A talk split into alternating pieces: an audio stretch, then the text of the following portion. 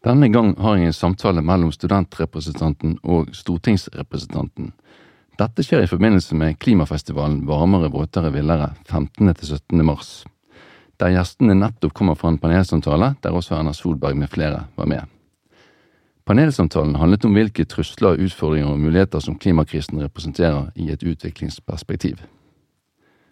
I denne episoden benytter studentrepresentanten raskt anledningen til å ta opp problemstillingene knyttet til skolepenger for internasjonale studenter.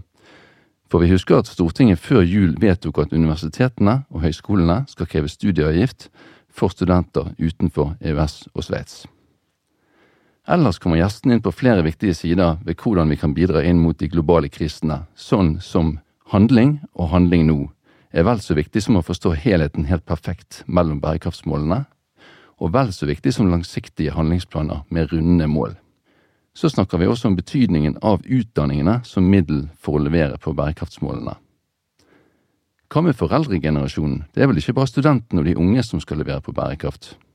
Politikeren har en viktig oppfordring helt til slutt. Da er det bare å lytte, og gi oss gjerne respons.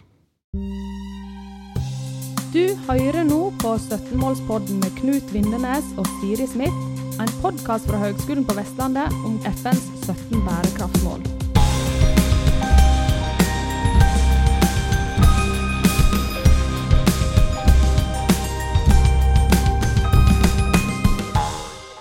Hallo, folkens. Da har jeg to flotte gjester her med oss i 17-årspodden i dag. Eh, Ruth Emilie Nygaard fra Studenttinget med et særskilt ansvar for eh, bl.a. bærekraft. Du skal få veldig kjapt komme inn på det. Men først eh, sier vi velkommen også til Dag Inge Ulstein. Takk for det. Fra Stortinget, rett og slett. Ehm, det skal vi også komme tilbake igjen til. Men hvis vi går først til deg, Ruth Emilie, nå. Fortell litt om deg sjøl, din rolle ehm, ja, i Studenttinget. Ja. Eh, jeg sitter jo i arbeidsutvalget til Studenttinget og jobber 100 eh, der. Jeg sitter primært i Sogndal, men har bl.a. blant annet kollegaer i Bergen. Ja. Um, ja. Så nå i dag så er jeg annet på besøk her i Bergen for å, å delta på klimafestivalen. Deltok i panelsamtale i dag. Det var jo utrolig spennende. Ja. Um, men ja, til, til, vanlig, da, så, så sitter jeg i Sogndal, er med på en del digitale møter, og vi jobber primært for studenter og for ja, en bedre studiehverdag. Og som du var inne på, så har jeg jo bærekraft som et av mine ansvarsområder. Og mm. da har jo jeg lyst til at HVL skal være så bærekraftig som mulig, og prøve å delta mest mulig med ansatte, da, for mm. å eh, fram studentperspektivet. Ja.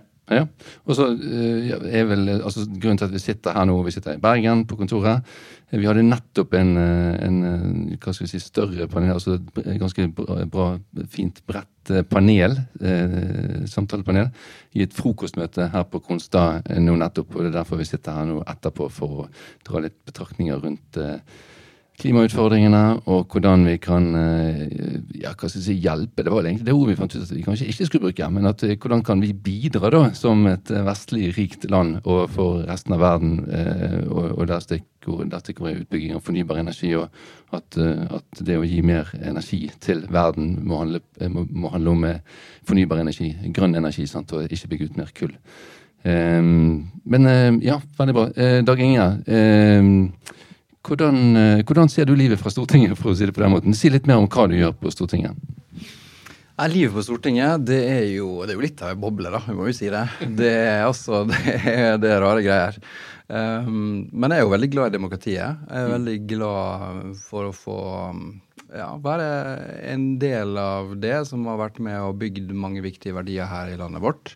Um, og så er det kjekke dager, det er tøffe dager, det er noen lange dager. Det er spennende, kjekke turer sånn som eh, det her. Å komme nattoget til Bergen og være med på klimafestival på høgskolen. Fikk du sove i natt? Jeg sov veldig godt. Nattoget. Jeg anbefaler. Um, altså, det her Altså, jeg sov i stolen. Ja, Det skjønner jeg ikke hvordan går an. Det er faktisk, Jeg kan virkelig anbefale, altså. Det er åh, jeg elsker det. Det er liksom gratis tid, egentlig. Ja, ja. Um, og så bruker jeg å sovne egentlig når jeg trenger det. Så det, ja, du er også der, ja. Så det er egentlig fint, altså. Det var helt nydelig, nydelig over fjellet. Men um, hvordan ser jeg det? Altså, jeg, det var en utrolig god, eh, et godt frokostmøte her i dag. Så bra at Høgskolen på Vestlandet setter det på agendaen. Kobler seg på våtere, villere, varmere. Varmere, villere, våtere. Ja, du skal aldri rekkefølgen følge med klimafestivalen. ja, det jeg si. eh, så selv om det var både kaldt og tørt og ganske så rolig når jeg seig inn på perrongen her i dag, så er det ikke det som er situasjonen ute i. Ute i verden. Nei, nei. Det er mm, Klimaendringene har fått noen dramatiske konsekvenser allerede. Det tar liv, driver folk på flukt. Det ødelegger levebrød eh, en masse. Altså i titalls millioner hele veien som kjenner de konsekvensene på liv og død.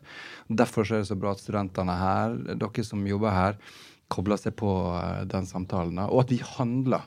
sant? Mm. Og som jeg nevnte i sted, så vi hadde pandemi.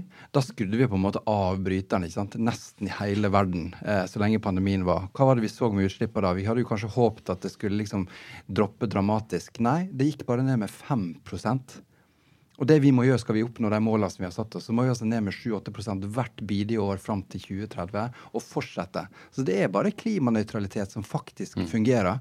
Det er altså ei bøtte med utslipp som det, det, Om det er lite eller om det er mye, det, det, renner over, og det får dramatiske konsekvenser allerede. Derfor er det her med klimafinansiering, fornybar energi og den diskusjonen vi hadde i dag, så viktig. da. Så var nå kom, kom politikerne i høygir her. ja, men det her er så viktig, da. Så jeg kjenner bare det bobler, så kaffen begynner å rumle på innsida her. For det her er så viktig. Mm. Ja. Men du, Ruth Emilie, eh, nå er jo sant anledningen her. Du, eh, du var flink og eh, altså, vi, vi, vi, Jeg syns jo i frokostmøtet så kom på en måte alvoret frem, og det var, det var mange gode eh, ting som kom frem. Også hvordan vi som eh, vestlige land eh, må la være å se ovenfra og ned sant, på resten av verden. og vi må, vi må, eh, ikke, eh, vi må slutte å tenke på bistand som noe vi bare vi, At vi gir løsningene, og våre løsninger er det rette for alle mulige land i andre deler av verden.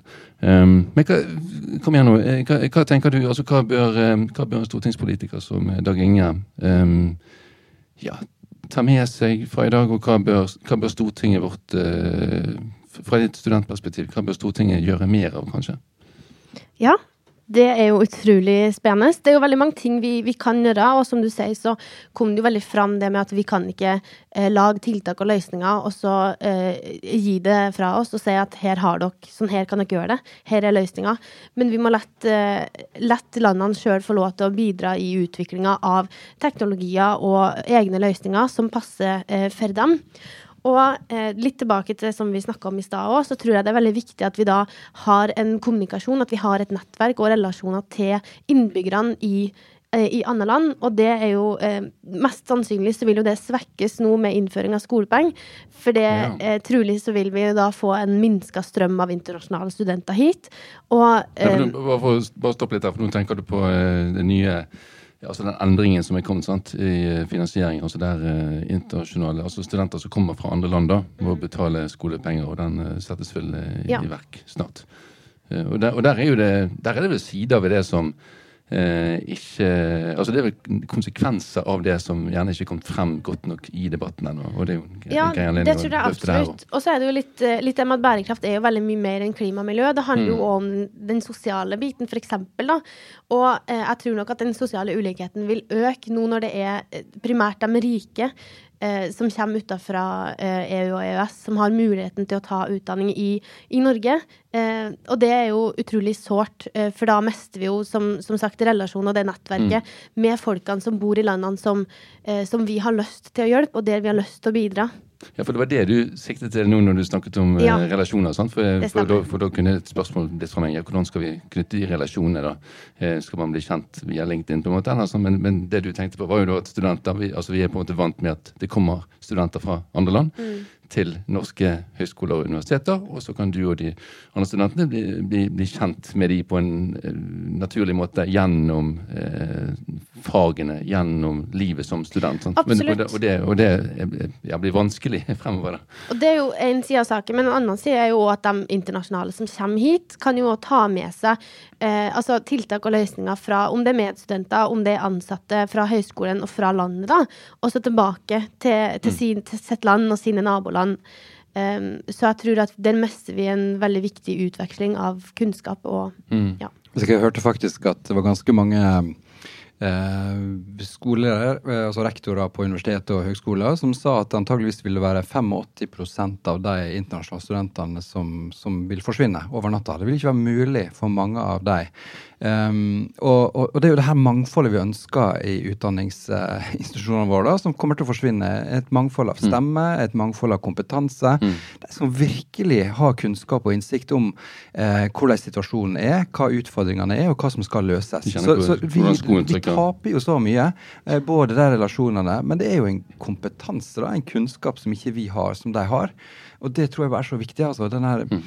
Det er en form for på en måte, verdighet og likestilling, men det er vi først og fremst vi som taper på det. Og jeg må bare mm. si, eh, vi prøver jo å utfordre eh, at, at, det må, at, det må, snus. Eh, noe som jeg jo, ja, Da tenker jeg på hva for deler av oss i opposisjonen. Noe av det ja. som jeg jobba med når vi eh, satt i, i regjering, var å utvide det antallet studenter som kunne komme fra det globale sør. Eh, og det ble jo veldig godt tatt imot fra mange av de institusjonene. Så det som jeg syns er rart nå, det er at det liksom blir brukt økonomiske argument, altså at det er stramme økonomiske tider og sånn, for det er virkelig ikke veldig mye penger å hente på det. Men det er uendelig mye penger, og umulig mye penger, for mm. de eh, viktige, eh, dyktige, flotte stemmene fra sør som mm. ikke kommer til å komme hit da fra allerede fra høsten av. Så jeg håper vi kan på en måte fighte litt sammen på det her og få, få fram Eh, kunnskapen om hva vi taper på det, mm. og hvor viktig det er for oss å legge til rette for det. Ja, for det med at vi taper, altså Erna Solberg som også var med i panelsamtalen i sted, sant? Eh, løftet jo også frem det perspektivet. At dette, dette altså, det går jo utover oss eh, også. Og det gjør det jo også inn i denne konteksten med, altså med studentene som, som da ikke i like stor grad kommer. For vi, vi kan vel, og nå ser jeg litt på Emilie her også, altså vi kan vel ja, igjen da, altså en ting er at vi kan, eh, vi kan, bidra med å gi impulser og forslag til løsninger ut, men vi kan vel også lære av studenter som kommer fra andre deler av verden der man ikke har det, det samme velferdsnivået. Man har andre måter å leve livet på, man har andre måter å se livet på. Eh, og, den, den, samvekslingen der, der kan vi vel lære av hverandre. De kan, de kan også på en måte ja, lære oss, hadde jeg nær sagt. Ja, ja, dere er helt enig. Og og det er jo veldig leit at vi nå uh, kommer til å mest sannsynlig da miste den. Um, så, så jeg har litt lyst til å stille et spørsmål. Hva, hva tror du at, uh, at, dere som på Stortinget kan, kan, gjøre da for å uh, snu eller bidra til at strømmen av internasjonale studenter ikke svekkes mm. så mye, da? Ja, altså Med en gang det ble lagt fram, så stilte, stilte vi jo et spørsmål til, til, statsråden på det feltet. Og vi har kommet med helt konkrete forslag også, til behandling i Stortinget. Men det har blitt stemt ned. Det er altså ikke et flertall og det syns jeg er ganske sprøtt, fordi at vi har hørt så mange viktige stemmer eh, fra universitets- og høyskolesektoren som har, har vist veldig tydelig hva som kommer til å skje.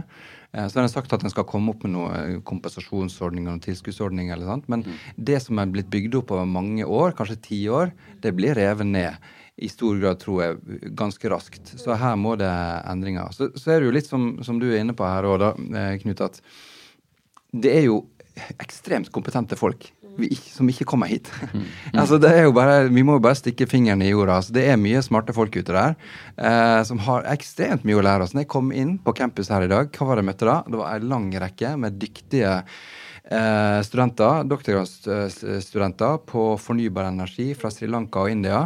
Stemmer det. Nei, sant? Jeg har drevet og lagd vindu som på en måte samler energi, og som kan skape energi. Ja, sånn nanoteknologi, sånn at du får fremtidens vinduer vil altså ja, inneholde Jeg bare liksom stående der og bare liksom suge til meg, ikke sant. ja. eh, det var utelukkende studenter som er her på Vestlandet nå. Mm. Deler mm. sin kompetanse, mm. utvikler og forsker sammen med eh, studenter her eh, på de løsningene vi trenger. Både her i Norge mm. og for resten av verden.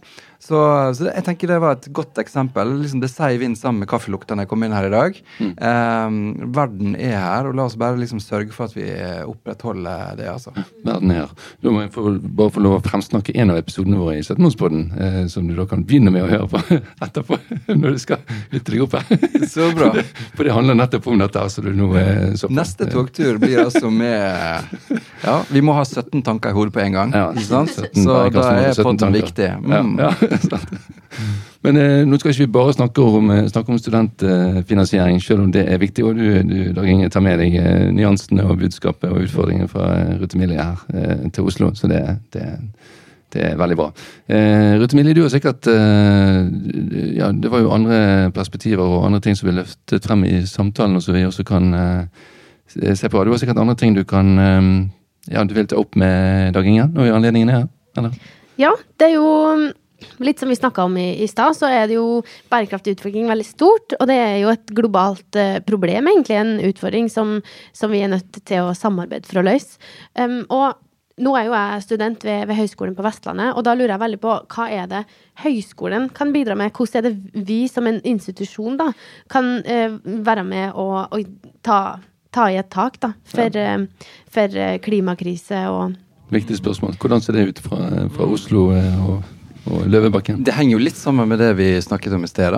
Um, men jeg tror å la det være en større del av de programmene som er her. Uh, altså Både liksom direkte inn i ulike leksjoner og som en del av studiet. Og, og rett og slett få engasjert studentene. Liksom Booke dem opp med livsviktige oppgaver der en kan jobbe innovativt for å finne løsninger på de utfordringene som er der. Og det er jo vel, altså Studentene er jo sultne på det.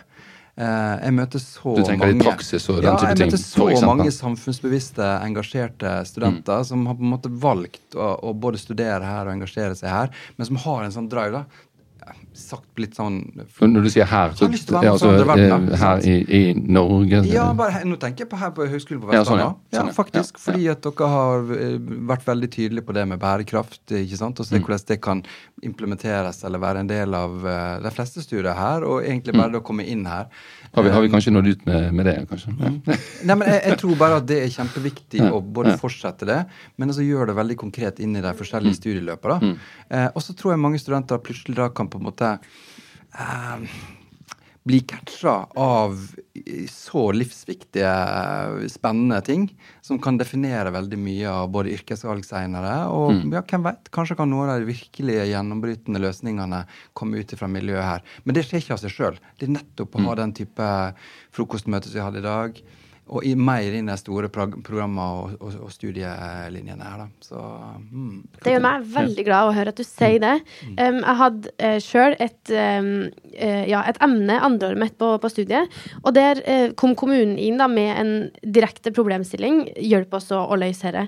Og det um, ja, den, å ha den relasjonen til oppgaven, at dette er faktisk kommunen, da, eller det er en overordna som har et behov for noe, det ga, altså det ga, en motivasjon til å jobbe med, eh, med både emnet, men også oppgaven, da.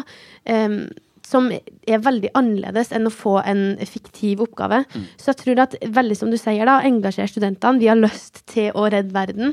Så det handler bare om å eh, gi relevante oppgaver, altså dagsaktuelle oppgaver. Og det er jo ikke nødvendigvis sånn at eh, det man finner ut av, da, eller konkluderer med, er, er det som skal være løsninga på, på Redd Verden. Men det handler jo om å, å ansvarliggjøre studenter, og det å, å, bruke det engasjementet da, før det dør ut. Faktisk vise at her er du med og bidrar, og her, her er det som skjer i verden. Og faktisk knytte knytt det opp til, til studiet da, og gjøre det relevant. Jeg tror det er kjempefortrinn nå for eh, institusjonen som høgskolen er, på en måte å kunne vise til det.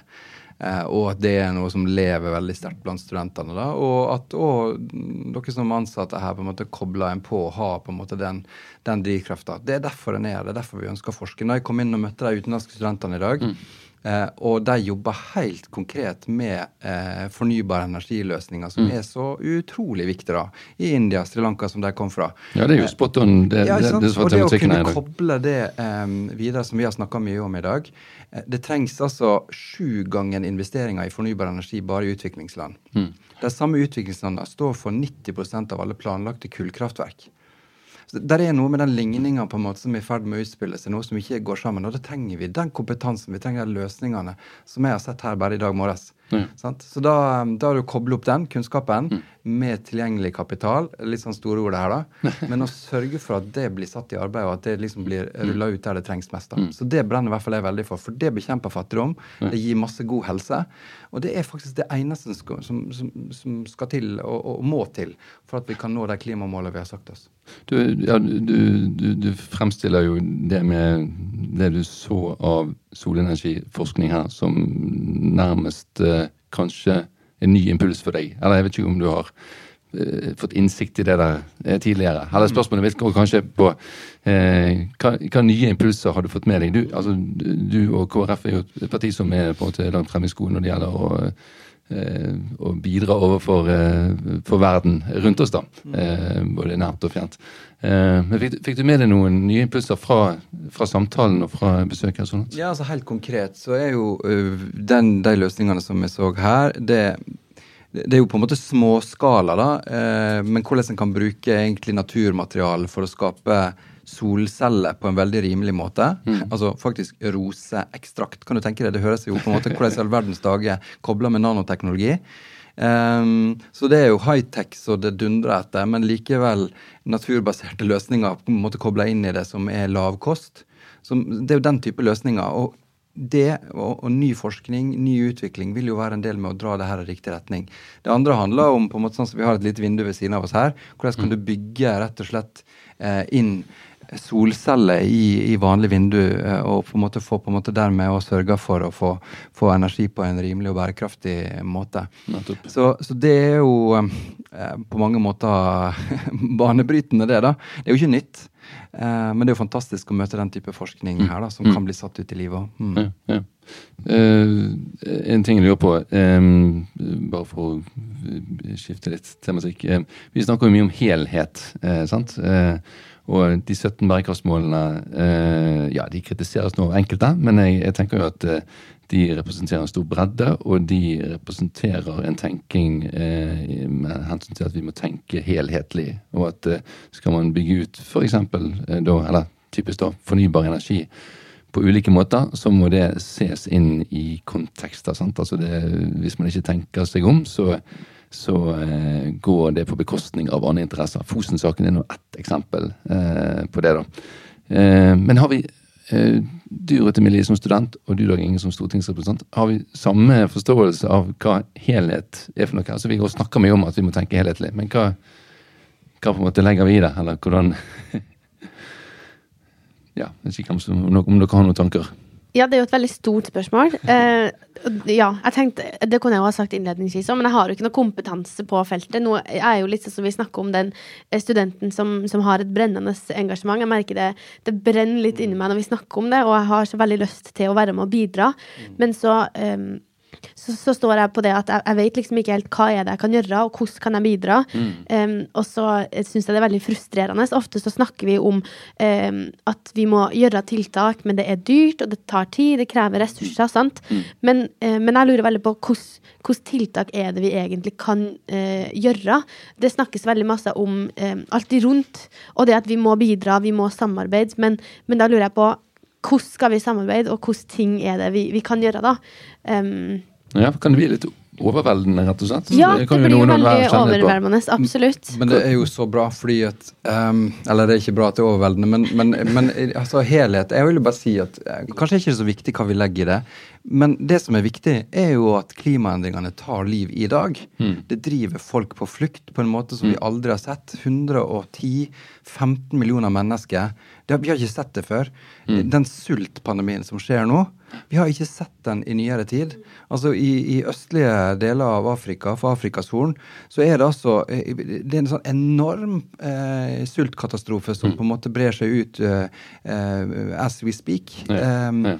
Der klimaendringene er den største driveren. Mm. Og som en konsekvens videre av det, så får du masse uro, ustabilitet og en veldig tilbakegang på mm. utvikling, på demokrati, på mye annet. Mm. Og det er på en måte Det er jo den, det engasjementet, da. Den der liksom det som jeg hører når du snakker òg. Så kanskje skal vi gi litt blaffen i å liksom catche hele liksom at alt henger sammen. Det er jo litt lett for at vi da ikke får gjort det vi trenger å gjøre, da, hvis vi skal mm. sitte og fundere på mm. hva er sammenhengene her. Det er folk som dør, folk blir drevet på flukt. Mm. Vi har en del av ansvar for det. Mm. Og vi søren meg ta og, og mm. begynne å handle, altså. Det er liksom det viktigste. Er det litt forløsende, på en måte, det han sier? Ja, jeg syns det er veldig godt å høre. Og jeg, jeg, jeg henger meg opp Du sa i dag, sant? Folk dør i dag. Og det syns jeg er Det er ikke en fjern framtid. Nei, det er akkurat det. Og, og jeg opplever opplever sånn generelt, så er vi veldig, altså i det vestlige samfunnet, opptatt av å lage strategier, vi lager handlingsplaner.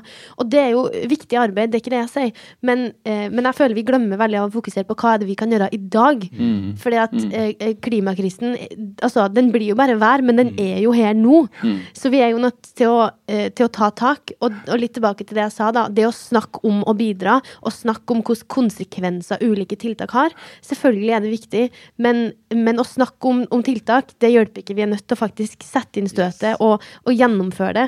Og det samme med å lage handlingsplaner. Det jeg bare har litt sånn frustrasjon med det, det med å lage mål, så lager vi ofte mål som er veldig sånn åpen. Mm. Og tenker et mål skal jo ganske enkelt være målbart. Mm. Det er jo kjempeviktig at når vi setter oss et mål, så må vi kunne vite når har vi nådd det målet. Mm. Og det er kanskje oppfordring til, til, Stortinget, til HVL, altså til, til alle, da, mm. egentlig. Men der er det jo noen veldig konkrete ting som skjer nå. Og det er jo f.eks. at det er mange kullkraftverk som er under planlegging, og som kan investeres i. Da må vi som har da mye finansielle muligheter. gjøre det vi kan for å sørge for at det ikke skjer. Det er veldig målbart. Det handler altså om hvor mange kullkraftverk kan vi på en måte veksle ut med fornybar energi. Og da har Norge, hva, hva type tiltak tenker du på nå? Da er det f.eks. at når Norge da etablerte det som heter et klimafond, mm.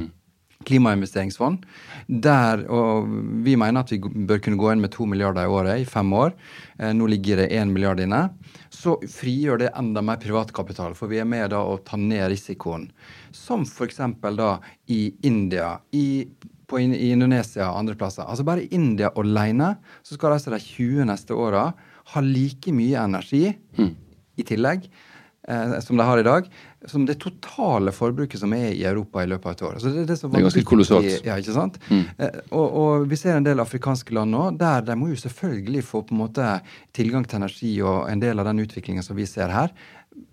Og forhåpentligvis så blir det fornybart eh, og ikke på, på kull. Og, ja, og, så må jo vi kikke oss litt i speilet sjøl, som har drevet med fossilt. og som, sant? Mm. Eh, så vi har litt å stå til rette for. Og det er jo enda et godt argument for at vi kan bidra mer. Hvor mange tusen milliarder er det vi har tjent ekstra bare i år? 15? 16? Ja, jeg husker ikke tallet, men det er, det er liksom betydelig. helt vanvittige summer. Så det å sette av én eller to milliarder til faktisk å bidra på mm. det, mm. virkelig i vår interesse. Men igjen, det er de tinga som hva var det du kalte det fondet? Det var vel det fondet Klimainvesteringsfondet, mm, som ja. da Norfund som Nordfund. på en måte da eh, styrer. Og ja. en tenker liksom at det her er å kaste penger ut vinduet. Nei, faktisk. De har altså tjent mer. altså De investeringene de har, har, har hatt, mm. har faktisk hatt en, en større avkastning enn det oljefondet. Og vi vet jo at oljefondet tjener mye penger til Norge. Ja, ja. Men altså det er mer lønnsomt å investere i fornybar energi i disse her risikolandene enn det er. Den, det, er jo, det er jo ganske illustrerende tall. Du, men ja. det er sånn som uh, altså Får du hevede øyenbryn, eller uh, hva respons uh, Du har sikkert nevnt de tallene der for andre. Ja, altså, det, er jo, det er jo dyktige folk da, som sitter og forvalter pengene. Ja. Hva, hva, respons gir det, det som du sa nettopp nå, mm. rundt om, når du forteller det? Altså, Vi håper jo at det at vi satte i gang med det, kunne gjøre at andre land kunne mm. gjøre det samme. Mm. Dessverre så har vi sett at mange land har kutta både internasjonal utviklingshjelp, bistand og den type investeringer. Det er ganske absurd, egentlig. Men er det litt fordi at man henger litt igjen i gammel bistandstenking? At man, at man skal på en måte gi noe, mm. og man vil heller holde igjen mest mulig til det, det nasjonale budsjettet? Til, ja, jeg tror det. Med et kutt, det En ser jo at det kuttes uh, over hele linja, da, mm. ofte. Um, så, så, det kan handle om. Men her frigjør en jo tigangen penger. Mm. Med å være med å ta noe av risikoen uh, vekk, av annen type privat kapital. Um, blant annet så på noen av disse her eh, investeringene som, som, det klimafondet har, så er det sant, KLP inne, helt andre typer private aktører. Mm. Så det blir jo frigitt masse annen kapital da, som jeg er veldig glad for kan bli investert der.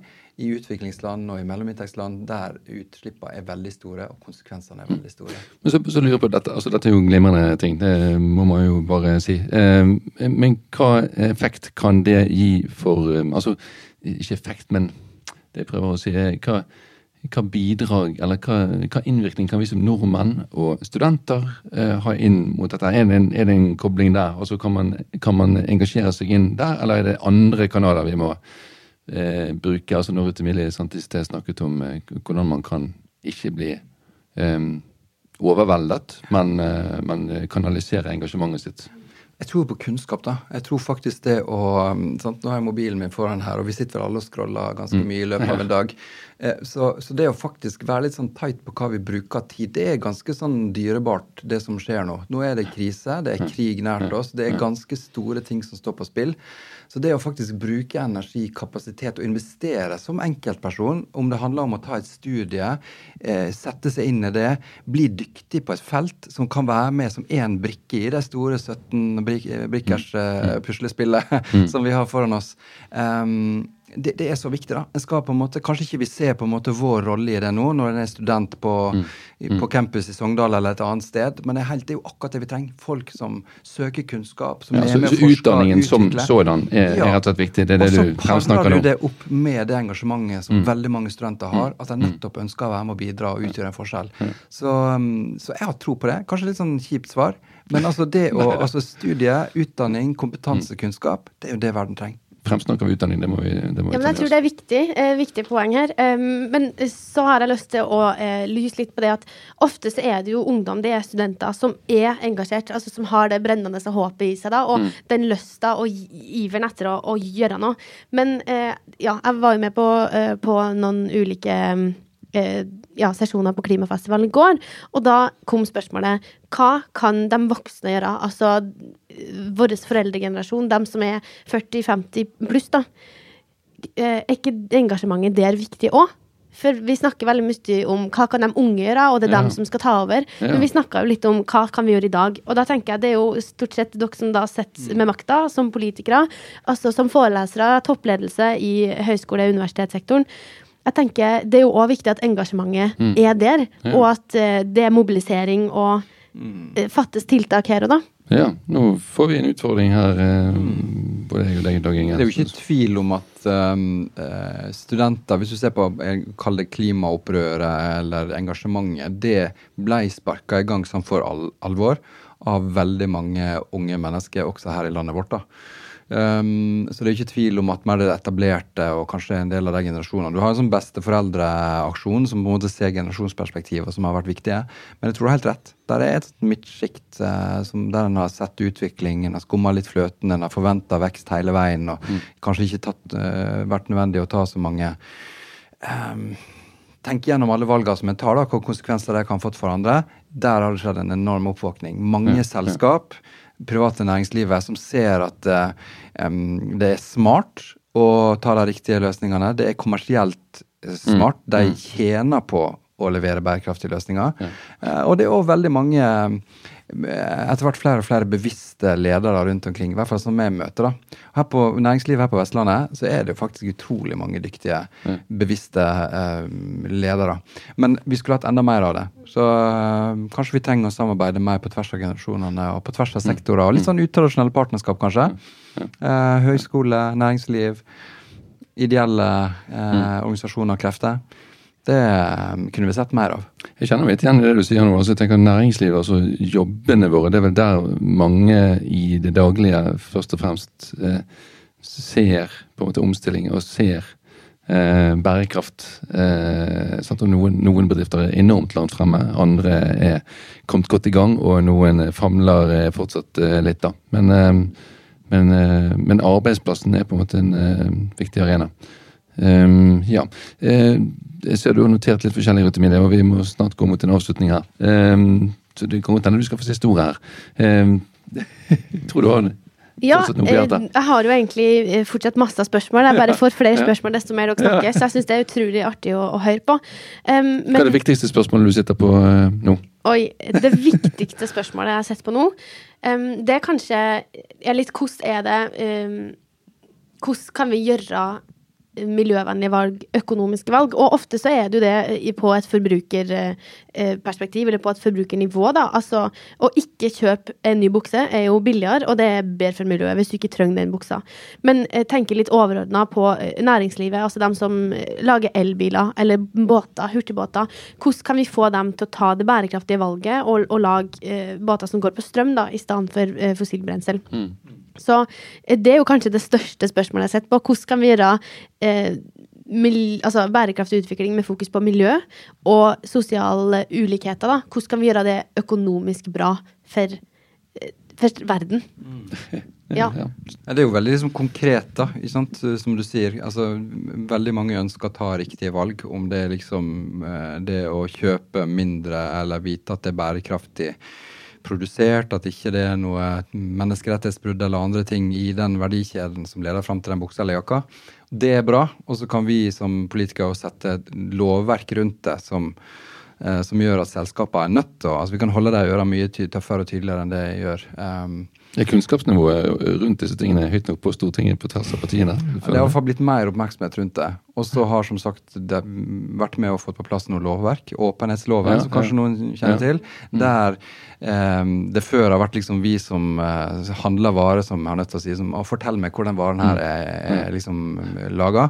Og så veit ikke den som står i butikken, det kanskje mm. veit hvor den bilen kom inn med den varen, men ikke helt tilbake til eventuelt de menneskerettighetsbruddene som skjedde i Bangladesh eller uh, i Etiopia. Så, mm. så, der er jo lovverket veldig viktig. Um, men jeg har bare lyst til å, å, på en måte å si at um, det engasjementet da, som de studentene eller de som, som sitter og hører på podkasten nå, har, en må bare aldri tenke at ikke det kan bety en forskjell. Mm. Uh, og om på en måte en skulle ønske at uh, en skulle få betydd mer eller større. Jeg har bare lyst til å avslutte med et eksempel, og så må du ha siste ordet. Den uh, uka her så var det en som heter Odd Hoftun, som døde. Han var ingeniør. Han var med å bygge en av de første vannkraftverkene. Tafjorden på Sunnmøre, kjempestort anlegg, på 50-tallet. Han var ferdig utdanna, og han var på en måte praksisperioden sin da. Det var vel ikke første vannkraftanlegg, men i den målestokk var det kjempesvært. Ja. Så 58 så dro han til Nepal. Ja. Og eh, Han døde denne uka, her, derfor tar jeg det opp. Han bygde altså opp kraftsystemet i Nepal. Det var ei skjorte, ei sjel. Han bygde opp en teknisk fagskole. Det ble etablert et sykehus. Det var flere hundre tusen mennesker i Nepal som fikk tilgang til energi og til vann gjennom at han brukte sin kompetanse og dro dit med sin familie da, mm. seint på 50-tallet. Det, det, er en ganske sånn absurd historie, historie, men det handler jo om at det faktisk er mulig. Mm. Og det å være på besøk i Nepal, vi har sett studenter fra Nepal her, eh, som har på en måte nytt nyter godt av det, og den sterke institusjonen som er der nå. Det viser bare at det er fantastiske muligheter når det engasjementet parer opp med kompetanse, mm. eh, dyktige studenter. Så da kan vi virkelig være med å redde verden, altså bit for bit for bit for bit. Og det Det er ikke bare en drøm. Herlig, herlig perspektiv. Det så det, det, er mulig. Hva sier du, til Mine? Du skal få siste ord her. Jo, takk for det. Det er veldig fint å, å få lov til å avslutte. Det er jo vanskelig å, å hoppe etter Wirkola. Det var altså utrolig godt uh, innspill her. Jeg ønsker egentlig bare å si tusen takk for at jeg får lov til å, å, å være med og ytre min brennende lidenskap for å, redde verden. Utrolig bare å ha deg med. Så. Ja, så kjekt. så da sier vi tusen takk til Ruth Emilie fra Studenttinget. Fantastisk at du var med oss, og uh, veldig bra, Dag Inge, at du kunne stikke innom oss uh, en torsdag morgen i mars og delta i samtalen her. Fantastisk bra. Takk til begge to. Ha det godt. Ha det bra. Takk. Du har nå hørt en podkast fra Høgskolen på Vestlandet. Du kan høre flere podkaster fra oss ved å gå inn på nettsiden hvl.no. slash podkast.